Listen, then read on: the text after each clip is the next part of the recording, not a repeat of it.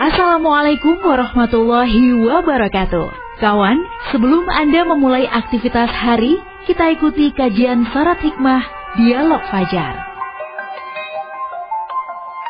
Assalamualaikum warahmatullahi wabarakatuh. Selamat pagi kawan. Apa kabar anda untuk pagi hari ini? Semoga semuanya dalam keadaan sehat dan baik-baik saja ya. Semangat untuk memulai hari Karena jam ini kita masuk di program Dialog Fajar Bersama saya Aprilia Abi dan juga ada Ustadz Ali Muafa, kawan-kawan dari pesantren Al-Quran Nurul Fala Surabaya. Kita sama-sama sama. Assalamualaikum Ustadz. Waalaikumsalam warahmatullahi wabarakatuh.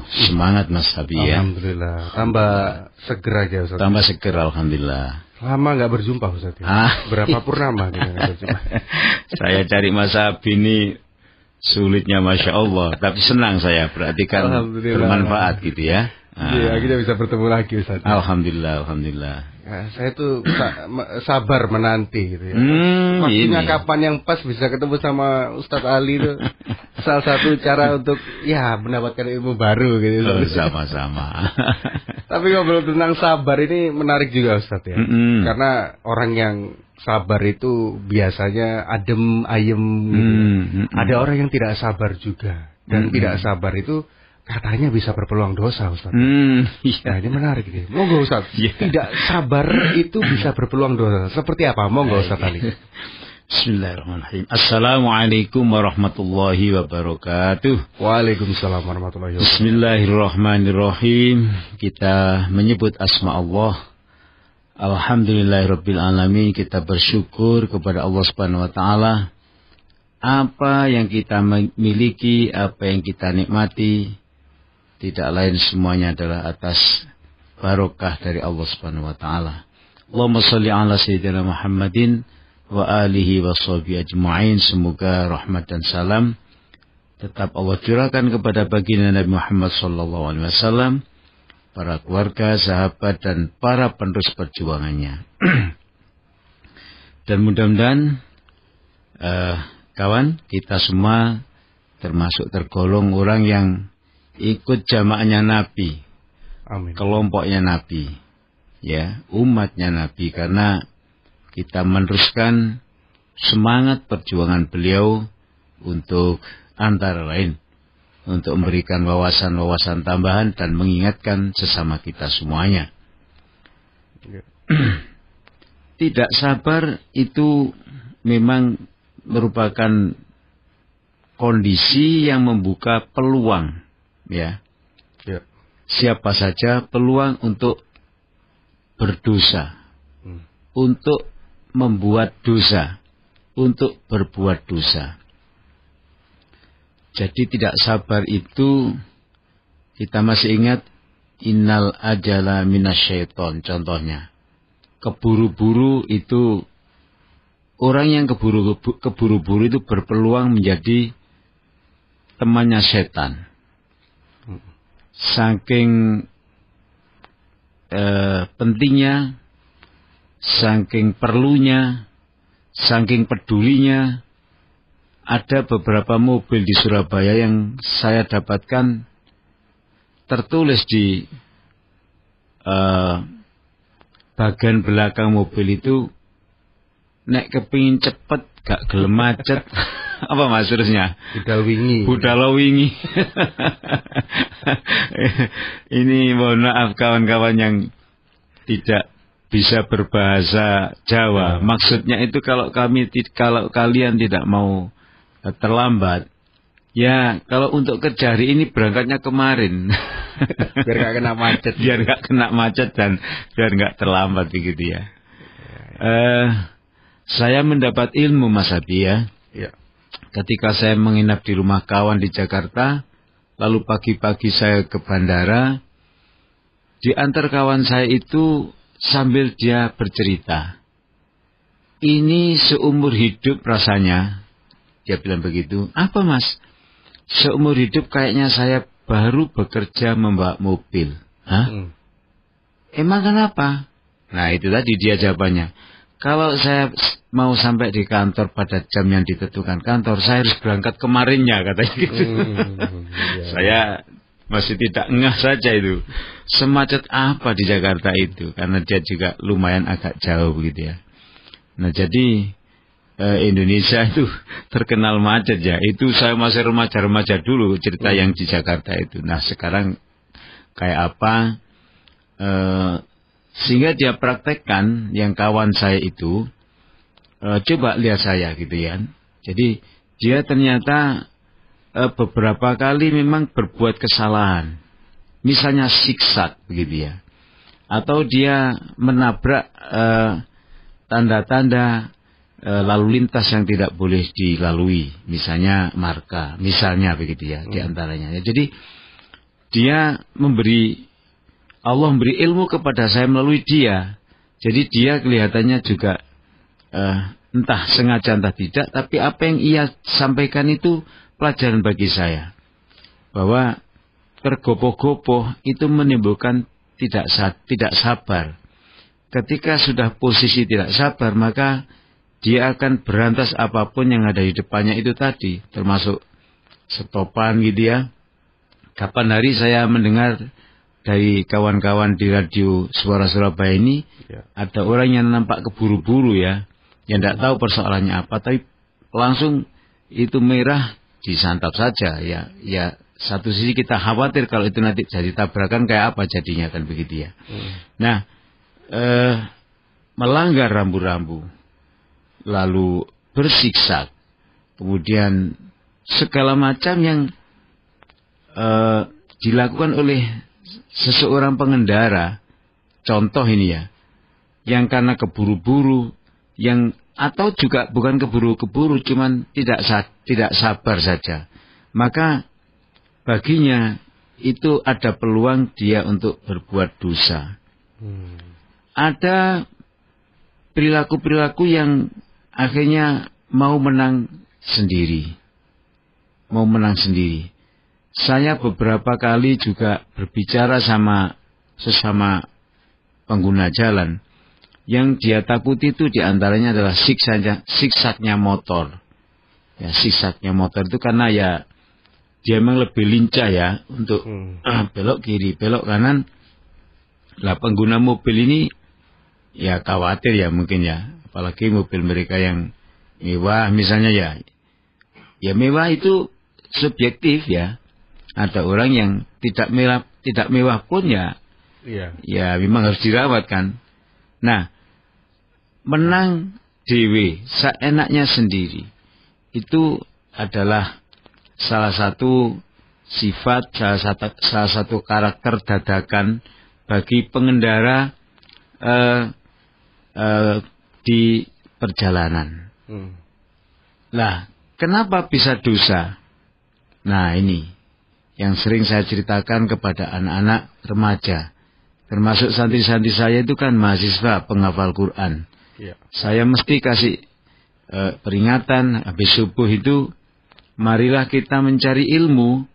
Kalian mau kuliah ini dengan harus mencari jalan yang diridhoi dan diberkahi oleh, oleh Allah. Saya bilang begitu mata mereka itu ber, terbelalak. Apa maksudnya?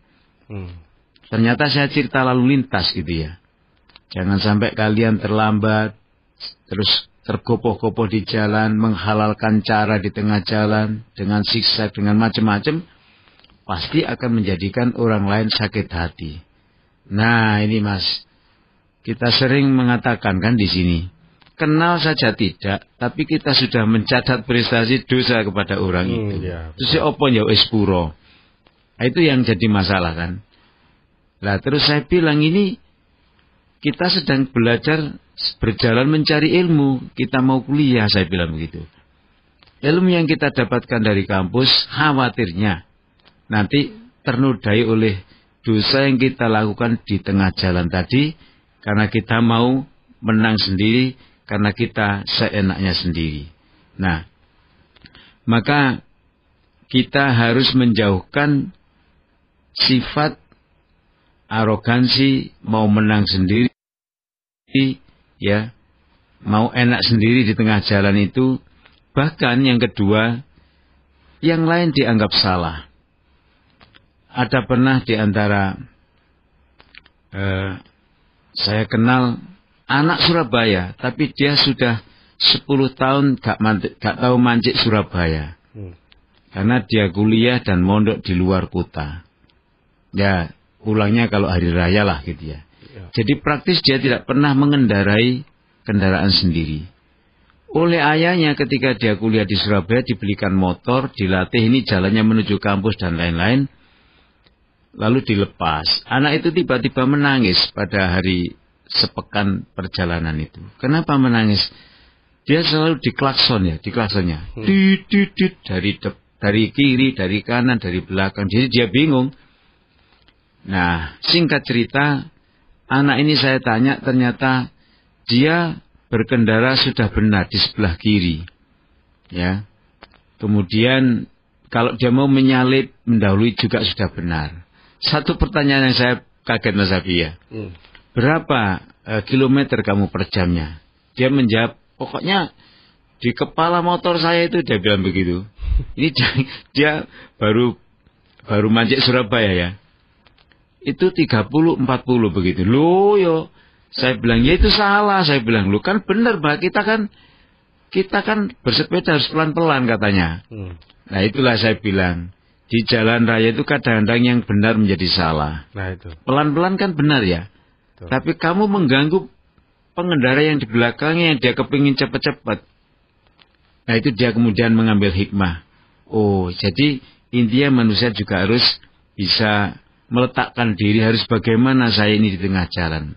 Terus sudah bagaimana Ustaz kalau begitu? Kita kita sudah sudah sabar gitu ya. Mm-hmm. Sesuai aturan. Bahkan kalau kita diajarkan sabar pelan-pelan, udah sesuai sama syariat Islam, tapi mm-hmm. yang lainnya malah begitu. Iya. Yeah. Uh, apa yang harus kita lakukan Ustaz? Iya. Yeah. Jadi akhirnya kita berpikir kan memang seperti yeah. cerita ini terus harus bagaimana saya sudah benar kok masih mm -mm. dianggap salah gitu ya ya benar di situ itu ada relativitasnya Ya, jadi maksud saya e, kalau di bawah standar kecepatannya per jam itu eh, per kilo, ya tadi tadi per jamnya segitu ya. Hmm. Dia mengatakan angkanya 30, angkanya 40. Saya bilang itu memang mengganggu lalu lintas yang ada di belakang. Jadi kebenaranmu mengambil sisi kiri dan pelan sudah benar, tapi pelannya itu harus ada kriteria. Hmm. Ya. Ya, apakah kita akan menyamakan dengan mereka yang kebut-kebutan? Ya tidak, tentu. Tentu tidak. Kalau kita mengikuti arus yang salah, akhirnya sama dengan memperbesar untuk komunitas kita ini menjadi orang yang salah semuanya. Hmm. Nah itulah ya, itulah beratnya kalau kita harus bilang berat ya. Tapi kalau kita harus bilang bahwa kita ya tetap mencontoh yang benar-benar saja.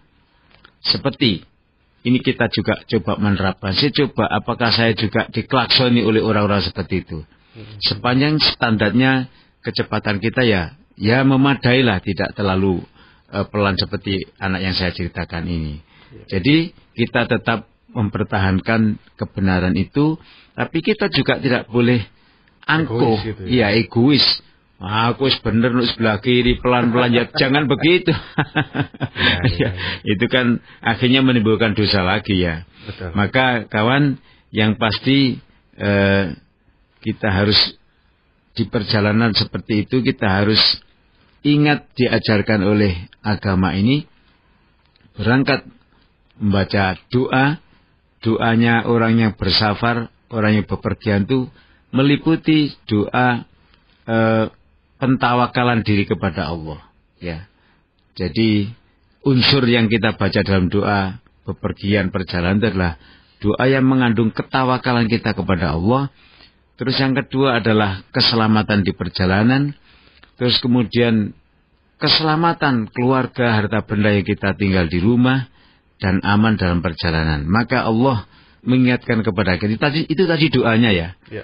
Kemudian Allah mengingatkan kepada kita di antaranya ya. Di antaranya ini ayat yang bersifat umum yang saya baca. Bismillahirrahmanirrahim. Wa dzkurisma rabbuka bukrata wa asila. Ya.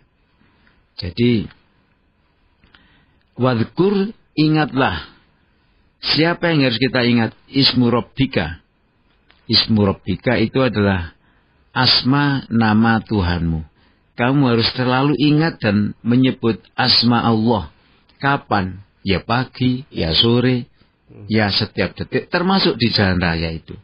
Jadi pernah juga ada santri saya kita tegur, dia karena kecelakaan berat ya, berat. Mm-hmm. Di Cito sana, ya dia mengakui agak lumayan keras, itu kan uh, belok dan miring gitu ya. Iya, betul. Kita tegur, mungkin kamu nggak pakai doa, jawabannya apa? Mungkin kalau saya tidak berdoa, saya sudah mati. Dia bisa mengukur oh. beratnya gitu ya. Jadi dia sudah berdoa. Saya tidak pernah melepaskan asma Allah. Dia baca hafal asmaul husna ya. Ini dia baca. Akhirnya kita ya kita coba berdialog. Mungkin kecepatannya terlalu tinggi tadi itu hmm. sehingga dia gulung gulung di situ. Dia betul mengatakan kalaulah tidak ditolong dengan asma Allah dia sudah mati. Maka kawan sekali lagi perjalanan kita pagi ini jangan lupa menyebut asma Allah sebisa-bisanya. Bisanya Allah, Allah, Allah ya boleh. Subhanallah ya boleh. Alhamdulillah ya boleh. Dikaitkan dengannya Allah saya bisa mengendara sendiri, tidak diantar saya, macam-macam lah apa yang nikmat kita nikmat itu disyukuri dengan baca alhamdulillah sehingga kalau terjadi apa-apa bahkan sampai uh, tiada tapi kita sedang menyebut asma Allah baik lesan maupun hatinya. Mudah-mudahan dialog fajar ini eh, dapat mewarnai ya perjalanan Amin. kita semua menjadi perjalanan yang barokah. Amin ya rabbal alamin. Alhamdulillah itu dia ya. Jadi perlu sabar karena tidak sabaran itu bisa berpeluang dosa dan juga menimbulkan kecelakaan bagi kita ya. Semoga kita sampai di tujuan nanti sama, uh, eh, dengan selamat semuanya kawan ya. Dan sekali lagi Amin ya rabbal uh, alamin. Kita juga bisa nanti uh, berbagi lagi informasi di 031999 juta. Saya April Abi bersama dengan Ustadz Ali Muafa, kawan-kawan dari pesantren Al-Quran Nurul Falah Surabaya. Mohon undur diri kawan. Terima kasih. Assalamualaikum warahmatullahi wabarakatuh. Waalaikumsalam warahmatullahi wabarakatuh.